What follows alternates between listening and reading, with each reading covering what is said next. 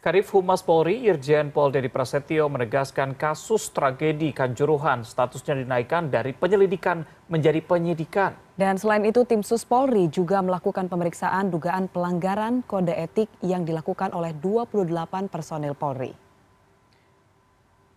Buntut tragedi kerusuhan di Stadion Kanjuruhan, Kabupaten Malang, Kapolri Jenderal Istio Sigit Prabowo juga mencopot Kapolres Malang AKBP Verli Hidayat.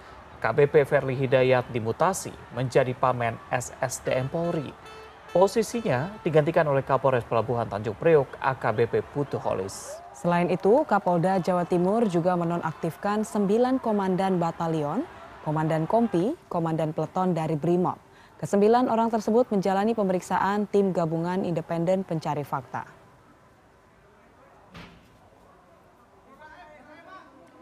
Kadif Humas Polri juga menegaskan pihaknya akan memeriksa sejumlah saksi terkait dengan tragedi di Stadion Kanjuruhan, Malang, Jawa Timur. Di antaranya Direktur PT LIB, Ketua PSSI Jatim, hingga sejumlah personil kepolisian yang bertugas dalam pengamanan di stadion.